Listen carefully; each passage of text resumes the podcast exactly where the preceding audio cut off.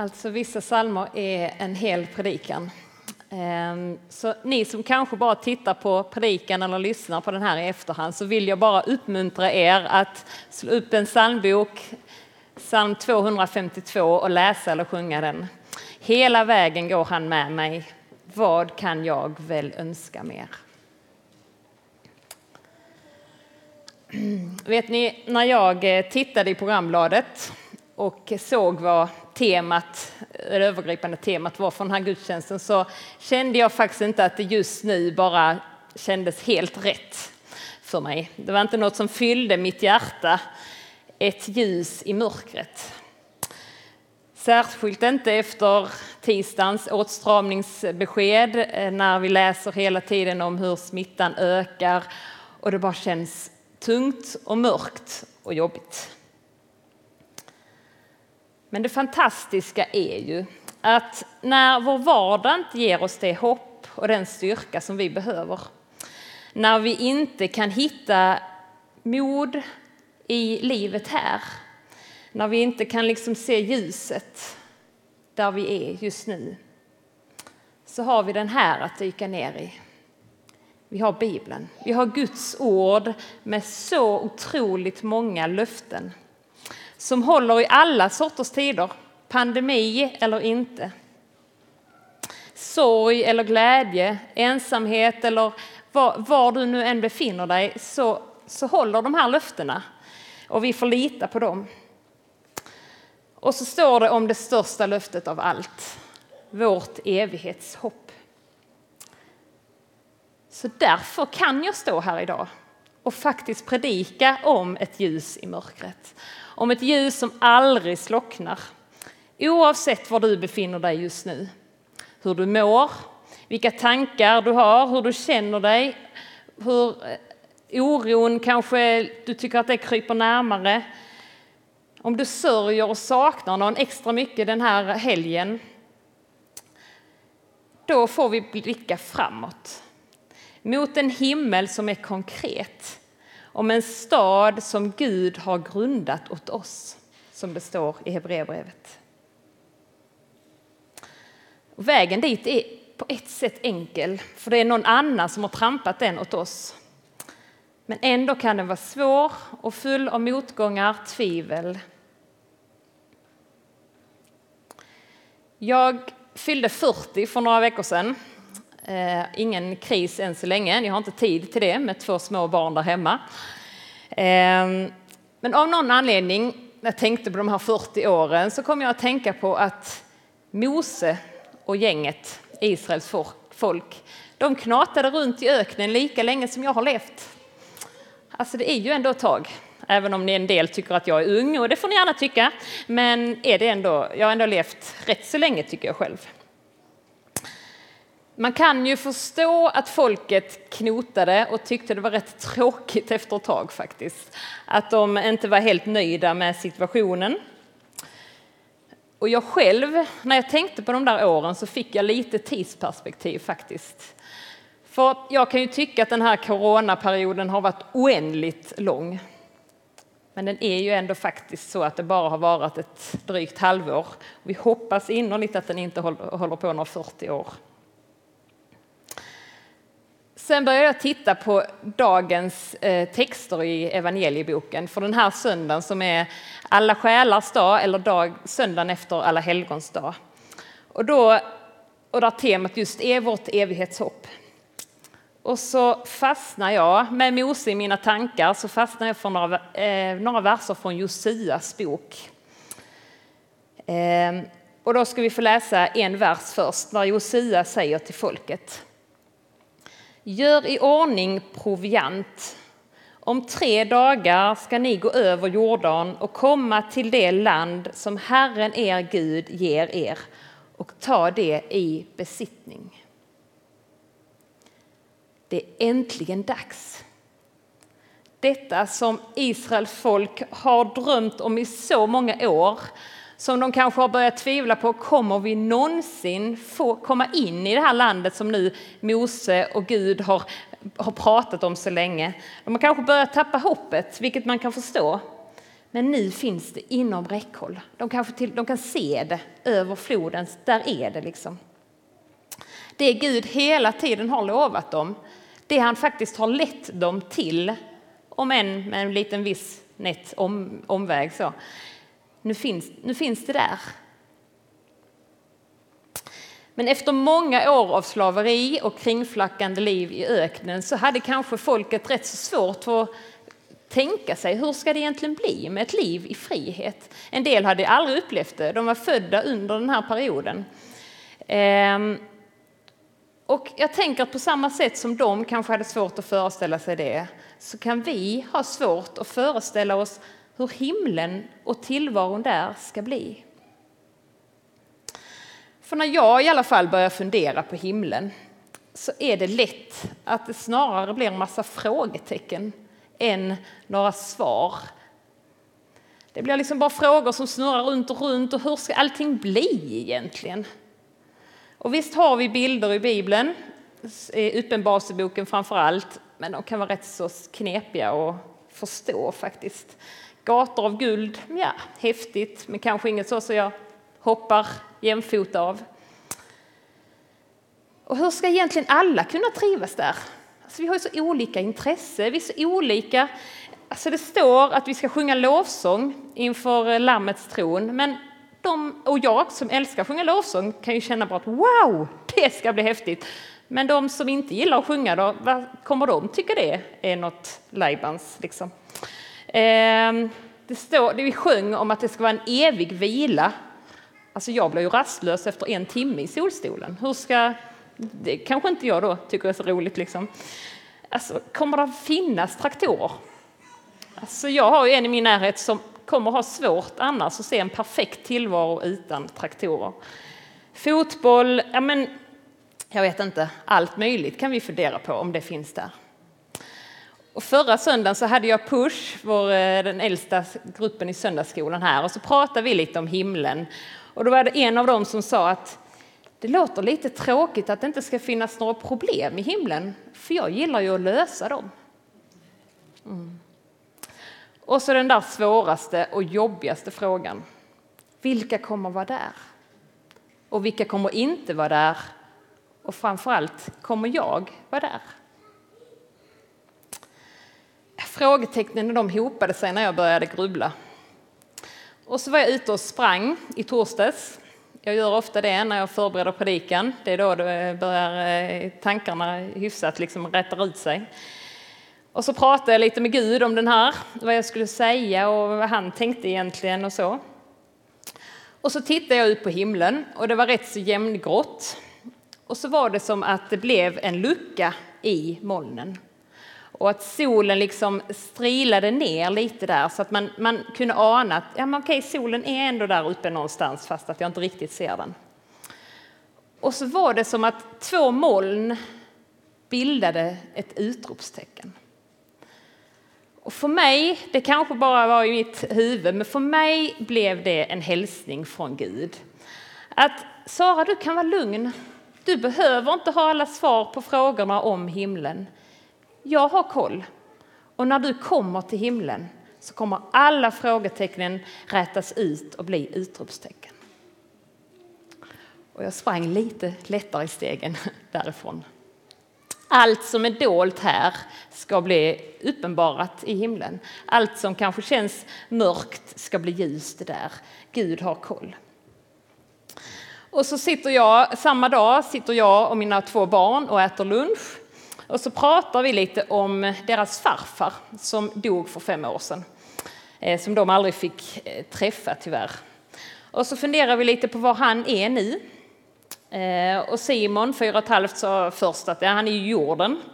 Och ja, det stämmer ju. Han är ändå son till en kyrkvaktmästare så han har koll på detta, att man gräver ner döda människor i jorden.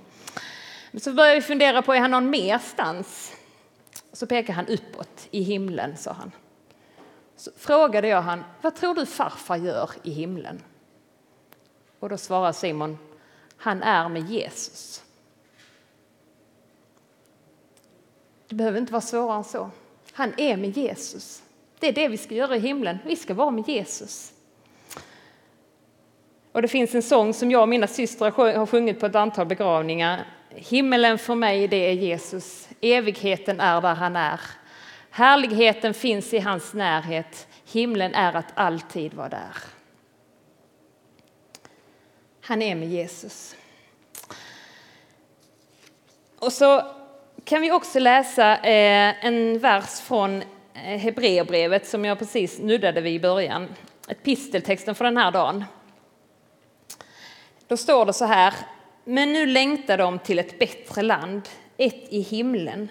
Därför skäms inte Gud för dem, utan de får kalla honom sin Gud. Han har ju grundat en stad åt dem. Jag och Åsa pratade lite inför denna söndagen och det kan bli så lite rysningar när man känner att wow, Gud har grundat en stad åt oss. Det är inte bara några luddiga moln där uppe som vi ska sitta på och spela fiol eller vad vi nu har för bilder av det. Det är en stad. Gud har berett ett rum åt dig, åt mig. Det står i min faders hus finns många rum. Gud vill allra helst att alla människor ska komma till honom. Att de ska få checka in i hans himmelska hotell. Han vill att alla ska stå framför hans tron och bara sjunga den mäktigaste, härligaste lovsång som vi inte ens kan föreställa oss. Som, så att alla de som säger att jag kan inte sjunga, de kommer bara sjunga med och jubla och det kommer vara fantastiskt. Han vill överösa oss av all den godhet och all den kärlek som hans hjärta bara bubblar över av och som vi får lov att ana här på jorden. Han vill att vi ska få uppleva en värld som han först hade tänkt ut att den här skulle vara. Perfekt. Fri från allt ont som vi kan komma på och som tyvärr vi har kommit på. Det står i Uppenbarelseboken att det himmelska Jerusalem det har tre portar åt varje väderstreck. Det ska komma folk från alla håll och där ska finnas en fullkomlig gemenskap mellan Guds barn. Eller som de här pusharna uttryckte det, alla kommer att vara ens vänner. Det kommer inte att finnas hunger och törst. Vi får dricka fritt från det levande vattens källa. Det finns ingen sorg, ingen plåga, ingen död, ingen gråt, står det. Fast jag tror att vi kommer att skratta så att vi gråter. Ingen, inget orent, ingen lögn. Livets träd kommer att stå mitt i staden och det kommer ge frukt tolv gånger om året så att vi bara kan få äta. Fantastiskt! Och därför dyker frågan i mig upp. Om det nu är så underbart där, vad gör jag då här? Vad gör jag här nere på jorden om allting är så fantastiskt i himlen? Och hur mycket ska vi egentligen längta till himlen? Jag har haft stunder i mitt liv, en period i mitt liv där jag verkligen längtat till himlen. När livet här kändes skit, rent ut sagt. Och jag skulle kunna tänka mig att avsluta det och byta det mot en den fantastiska plats som himlen verkar vara. Det kändes, kändes inte som en förlust att lämna det här livet eftersom jag mådde så dåligt och såg ingen väg ut här nere. Då längtade jag till himlen. Idag har jag faktiskt lite svårare att helhjärtat längta dit för att jag trivs med mitt liv. Jag har så mycket här som jag vill se, som jag vill uppleva, som jag inte vill missa. Och kanske är det tur att vi inte helt förstår hur fantastiskt det är i himlen. För då hade vi kanske inte stått ut med att vara här lika mycket. Mitt i coronapandemi, hat, krig, naturkatastrofer och annat mörker. För det är ju så att Gud vill att vi ska vara här nu, först. Att vi ska få vara hans ljus som visar på honom. Som ger fler möjlighet att upptäcka och lära känna honom som är den enda vägen till himlen. Och det som vi ska få uppleva fullt ut där, det kan vi få ana här och nu. För Gud finns vid vår sida även på vägen till evigheten. Precis som han fanns med folket på vandringen från Egypten till det utlovade landet så finns han med dig och mig här på vår vandring mot det, det utlovade landet som vi ska få, få vänta på. Han, han fanns väldigt tydligt med på ett speciellt sätt för ledaren Mose.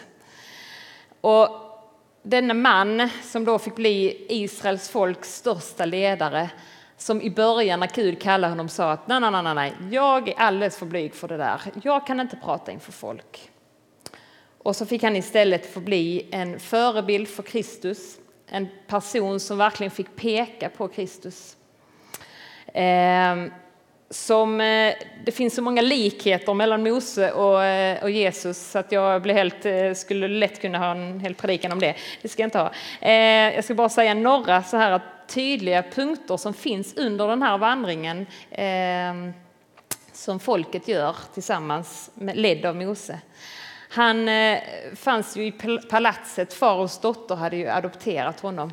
Men han avsade sig det, den kungliga prakten som han kunde fått för han ville vara med sitt folk som var i fångenskap. Han ville hjälpa det ut, befria folket, precis som Jesus lämnade sin tron i himlen för att han ville komma hit och hjälpa oss ur detta slaveriet och föra oss ut. Ehm, båda älskade verkligen sitt folk. Mose gick så långt att han sa när folket hade gjort den här guldkalven så sa han att om du ändå ville förlåta dem deras synd utplåna annars mitt namn ur din bok.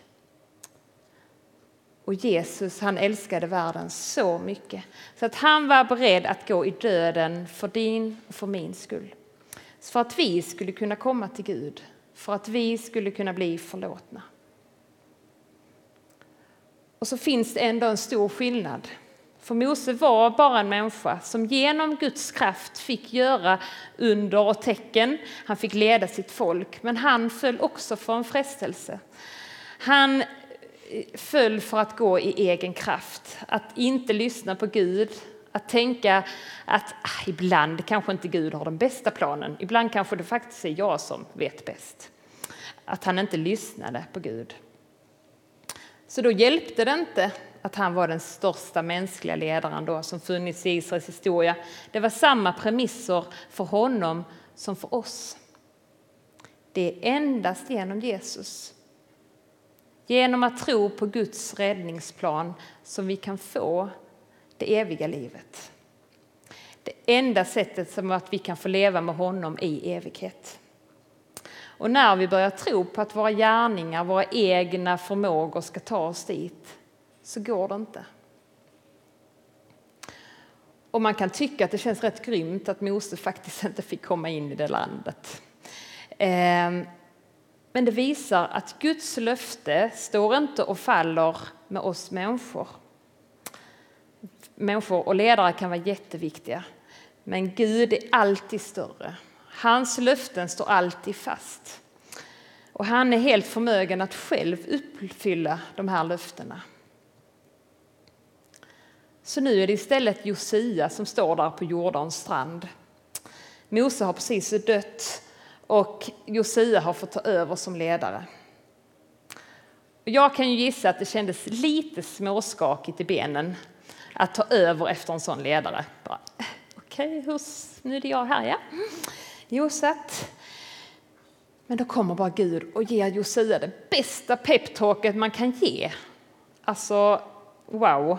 Han säger så här bland annat från eh, Josia kapitel 1, vers 5.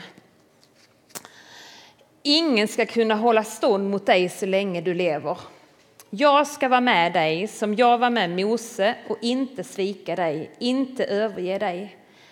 Var tapper och stark, du ska göra till detta folks egendom det land som jag med ed har lovat att ge deras fäder. Så var tapper och stark, följ troget den lag som min tjänare Mose gav dig. Vik inte av från den åt vare sig höger eller vänster, så får du framgång i allt vad du gör. Ha alltid denna lag på dina läppar. Läs lagens bok dag och natt så att du troget följer allt som står skrivet där. Då kommer allt du gör att lyckas. Då får du framgång. Jag har ju sagt, var tapper och stark, låt dig inte skrämmas, bli inte förskräckt. Herren din Gud är med dig i allt vad du gör. Josua får höra Guds uppmuntrande ord. Jag ska vara med dig, därför kan du vara tapper och stark. Återkommer tre gånger. Och samma löfte gav han sina lärjungar innan han lämnade den här jorden och han ger det till oss. Jag ska vara med er alla dagar.